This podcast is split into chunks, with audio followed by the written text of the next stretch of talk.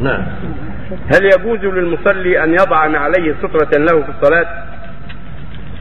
السنة ما ما ما ما جعلها أمامه تيسر سترة مثل جدار سارية عمود عصا يطرحها خط يخط إلى مواجهة شيء أما النعال السنة أن يلبسها يصلي فيها ويجعلها بين رجليه.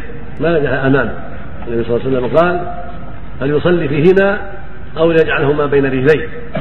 وإذا كان إماما أو منفردا جعلهما عن يساره لا يجعلهما أمامه لا. مم.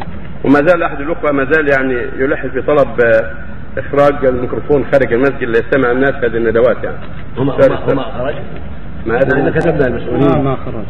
ها؟ ما خرج. لا ما نسمع. ما نسمع صوت إلا داخل. إلى لا إن كتبنا المسؤولين.